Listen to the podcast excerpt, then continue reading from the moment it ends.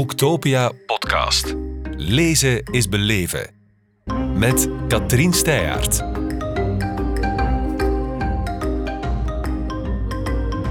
Welcome in Kortrijk, John Boyne. Thank you very much. Good to be here. So lovely to have you here. And since the publication of your bestseller, The Boy in the Striped Pajamas, you have been a very sought after writer. So we're very grateful that you're here. It's good to be here. I've been to Belgium a few times in the past, but it's my first time here to Kortrijk. If I pronounce that right. Oh, very good, very good. Um, as I said, uh, your bestseller. I mean, it has sold wildly all over the world, but it has been a while. It's uh, it was published in 2006, and now there's a. Uh, can I call it a sequel? Is that a good word? Yeah, it's a sort of sequel. I mean, it takes um, Bruno's older sister Gretel from the earlier book, and we re- revisit her today in 2022 when she's 91 years old, and she's looking back at her life, and she tells her story from the moment she and her mother leave the camps in 1946 um, and spends firstly some time in Paris. Concentration camps, yes. Yeah, mm-hmm. and then spend some time in Paris, then in Australia, and then to London. And we really kind of follow her journey of guilt and shame and complicity over the course of eight decades, really.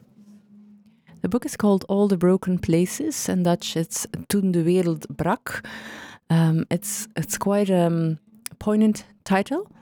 And of course, her life has been quite difficult, not on the surface, but as you say, underneath, there's a lot of emotions going on. Is this the inquiry you wanted to make? These emotional, well, struggles she has? Yeah, what, what I was interested in was the idea of um, what it would be like to be the child of somebody who was uh, a commandant of a concentration camp. And of course, in The Boy in the Striped Pajamas, I explored that from Bruno's perspective, but we know how that story ends for him. Mm-hmm. But there would be plenty of people um, alive today still whose parents or grandparents were either working in camps or running them or in the SS or had some important role in the Nazi um, organization and how that passes down through the generations. Uh, does the guilt of the parent uh, come onto the, the child? What kind of sense of shame should somebody have, or should there be none? And across these eight decades, this is the question that Gretel is really do- dealing with. From her perspective, she's not guilty of anything that happened during the Holocaust because she was just a child. But what she is guilty of is when she has left the camps after the liberation of the camps, rather than going to the authorities, rather than going to the allies, the liberators, and giving information about those camps, some of which would have been useful to the families of victims. Instead, she changes her name, she hides, she doesn't want anything more to do with it for the rest of her life. Mm-hmm. And it's that level of complicity that she has to really question at the end of her life did I do the right thing or should I feel ashamed of this? Yes, it's very, uh, there's a very interesting conversation. I won't. I don't want to spoil anything, so I'll be very careful. Um, there's a very interesting conversation with someone she has in Australia, where she is, um, where it is pointed out that by doing nothing, you can also be guilty. Well, you know, only in recent times, you know, when the Black Lives Matter uh, movement was happening, the leaders of that uh, movement told us that silence is complicity. Mm-hmm. And I think that's very true that you know if we are aware of things going on and we we do nothing about them, then we are complicit, and that's something I've written about in other novels. I've written about it in terms of say the church in Ireland, um, in in a history of loneliness about those people who knew what was going on, and I've written about it here um, in my return to the my study of the Holocaust, and I do like to create characters that have sort of a moral ambiguity to mm-hmm. them, and that the reader hopefully gets to the end of the book and is uncertain whether he or she feels positive or negative towards the reader or towards the character, and perhaps has to discuss it with somebody else.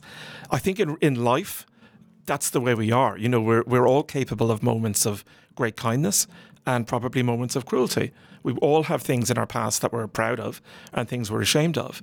Now, does that make us heroes or villains? I, I don't think many people are extreme on one way or the other. We're, we're all. Those are the exceptions. Yeah, we're, we're mostly somewhere in the middle. Mm-hmm. But um, with a character like this, she has tried to live a good life outside of that. But I suppose the question for the reader is because the Holocaust is what it was, you know, this extraordinary crime um, in, in human history. Um, does her uh, complicity there overshadow everything else that she has done in the eight decades that follow? Yes, and also how does she atone for that? I mean, it's an almost impossible question to answer. Yeah, and I think in her story, um, I think she has been looking for a moment so that she can atone.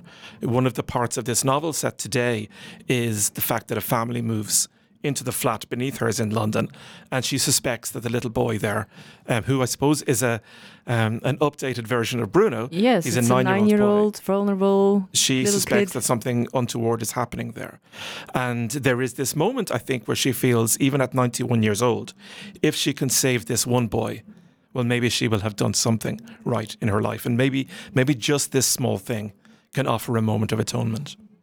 But as you say correctly, maybe Maybe, indeed. It's all very complex. It's very delicate. It's very there's it's very multifaceted. But I suppose that makes it interesting for you to write about.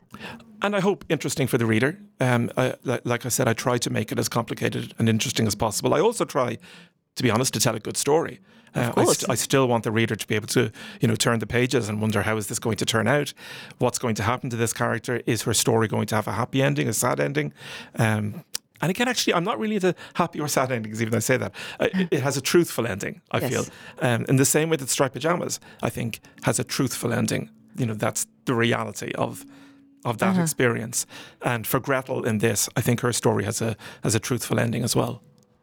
And does it feel like it, like your task or your responsibility as a writer to ask those kind of questions, to raise those kind of yeah, spark um, those conversations, as you say. Uh, there is that phrase, you know, that that it's it's not the writer's job to find the answers, but to pose the questions better. Mm-hmm. And I do think when it comes to these kind of stories, and you know, a lot of the books I've written do have these moral complexities, I think, at the centre of them. That it is my job as a writer, as a novelist, to kind of frame those questions in an interesting, provocative way that will challenge the reader um, also interest and entertain the reader in mm-hmm. a way, um, and and leave the reader thinking. That's in a way what I want from a novel when I read one, mm-hmm. um, and that's I think as I you know grow more and more. This is my what twenty first book, so I've been doing it a long time, and um, as I've grown older and more experienced, I think this is a more mature book, for example, than Striped Pajamas, which was written when I was in my early 30s. Yes, it's 15 and, um, years. It's been 15 years. Um, yes, I'm, I'm, I'm, a, I'm a little older now, and uh, but uh, a little more experienced, I suppose, though, in life and in I writing. That so helps. It does. It does. And, and maybe that's the reason why um, subconsciously, you know, I wrote that book from the perspective of a child and this one from the perspective oh, of a 91 year old. Now, I still have about 40 years to go to get to that point, but I'm halfway between the two now. I'm halfway between Bruno and Gretel. Yeah. I remember um, about the boy in the striped pajamas that you kind of described the um, the start of the writing process as a, a lightning moment. I mean, the, it was like it hit you. You had this idea, and three days later, the whole structure of the book was there. Was it a was it a similar process this time, this lightning strike process, or was it, it, it completely different? It, it was different because when I finished writing the first draft of Striped Pajamas, I always knew from that point that at some point I would, someday in my life, I would return to this story, return to Gretel. Why? Why did you know that? I, so? I, I, felt, you know, I had left her as a 12 year old traumatized at the end of the book with, you know, her, her father dead, her, her brother dead. And I, I just felt in my in my heart that, that there was another story there. And so for all of those years that followed, even as I was writing my other books, um, I kept a file on my computer that I called Gretel's Story. And I would make notes. Oh, so it was always there. Yeah, it's it's it's been the longest one in sort of the development. I, and I, I actually thought I would write it at the end of my life. I thought if I was in sort of my 80s or 90s. You were 91 yourself. well, indeed. And, and that I knew I was, you know, on my, my last book or something, I would write it then. But the reason I didn't, well, there's two reasons I, I wrote it now. One was because um, uh, what was lockdown. You know, I wrote it during the COVID lockdown, and it just felt like the right time.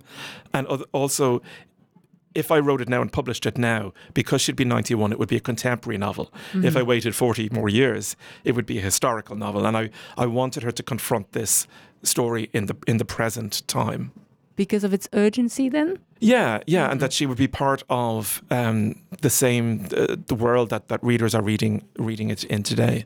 Yeah, and that readers that should, of course, keep asking questions like this. Exactly, and and that is what we are told time and again um, by by um, Holocaust museums and memorials and um, uh, writers that that you know we have to keep these stories alive, and uh, my you know small contribution to that is is is these books. And what about the pressure? They always talk about the pressure of the second book. This isn't your second book, but it is the sequel to, Yeah. to a majorly popular novel. Did you feel that? Did, did that bother you in any way? No, it didn't, um, because I know as a writer that a, a, an experience like The Boy in the Striped Pajamas, if you're very lucky, happens to you once in your lifetime. It doesn't Yes. really happen twice. The job is not to try to replicate uh, commercial sales or anything like that. The job is to try to write the very best book that you can write, um, and and then hope that readers come to it. And over the course of a career, you're not going to hit that sort of level every single time. No. But you do. You the only thing you can control as the writer is the words on the page, and if I make those as good as they can possibly be, after that it's all in the lap of the gods. Yes, and the readers. Yes, indeed. How have the reactions been so far? terrific. Um, you know, it's out now in the, the UK Yes. and uh, Holland and here in Belgium and Germany, and it's it's it's really nice to see readers responding to it. I think so many readers had really embrace the story of, of Bruno and Shmuel, and to return to some of those characters. Gretel isn't the only character that returns in in this book, and to see what became of them um, seems to be something that that people are responding to, and. Um, yeah, I, I, I hope that readers here in Belgium will, will enjoy it. And what are the reactions that touch you most? Um, I think over the years, the reactions that have touched me most between the two books have been the occasions where I've been fortunate enough to meet survivors of the Holocaust myself. And That must ob- be very impressive. it is, and I'm obviously part of that last generation of writers who gets that opportunity to do Mm. so because you know their that their numbers are falling and they're they're quite elderly. But I've been in many countries where I've had that opportunity and I've spoken to survivors and heard their stories, and oftentimes to the the, the families of victims, and that is obviously a incredibly powerful thing and very humbling thing, uh, and probably the best thing that's come to me in my life as a writer. Is that the thing that you enjoy most about being a writer? That it opens your world up in that kind of ways? I think it's given me those opportunities. Certainly, at the end of my life, I will remember a lot of those conversations. The other things I enjoy as a writer, though, are I have to admit, is the traveling, the the fact that my books have brought me around the world and uh, allowed me to see places and cities and countries that I'd never have maybe got to see and meet people I'd never have got to meet, and that's um, that's a real privilege in itself. Talking about traveling, I understand that you are going to disappear to Australia Yes. anytime soon. Just after Christmas, I love Australia. I've been there, just like Gretel in this book. I sent her to Sydney um, Yeah. because it's as far away as you Not can go. coincidence. without coming back. Uh, no, it's not a coincidence at all. And um, I've been 14 times. Wow. and I usually is- go in January for a month. But I haven't been again since the pandemic. So it's been three years.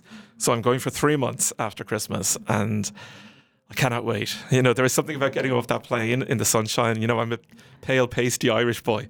And, uh, you know, we So don't get enough. crave the, the vitamin D. Yeah, we don't get enough of it in Ireland. So um, I, I always like that after Christmas to go to Australia. But you say three months, but it's also part, as I understand, of a larger sabbatical. You kind of need a break from writing. Yeah, I, I have felt recently I would take. Um, I've been saying this anyway that I wanted. You know, I've published twenty one books in. Yes, that's you know, massive. over the thirty years since my publishing started, and uh, I I just feel like I've been on a. A treadmill a lot of the time. Now, at the same time, I've loved writing all of those books. You know, I love doing it. I hope so. But um, I, I just feel like I want to take a break from the publicity world for a couple of years. So I, I had said to my publishers, you know, I'm going to take a break, and they said that's fine. Um, but the problem is, I, it, writing is just inside me, and I always seem to have a book on the go. And I actually only last night I emailed my agent and I said I've started something, and this I'm is the idea. sure about and, the sabbatical. you know, and Yeah. so you know, who knows? I could be back here in a two years' time talking to you again with another book. But right now, I want to just sort of give myself the freedom to take it. But I just, I suppose, in reality, when I get up in the morning, I sit down and I start to write. Well, time will tell. Yeah.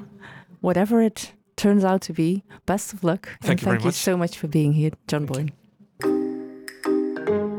Boektopia podcast. Lezen is beleven. Beluister ook de andere podcasts live opgenomen op Boektopia 2022. Nu via je favoriete podcast-app.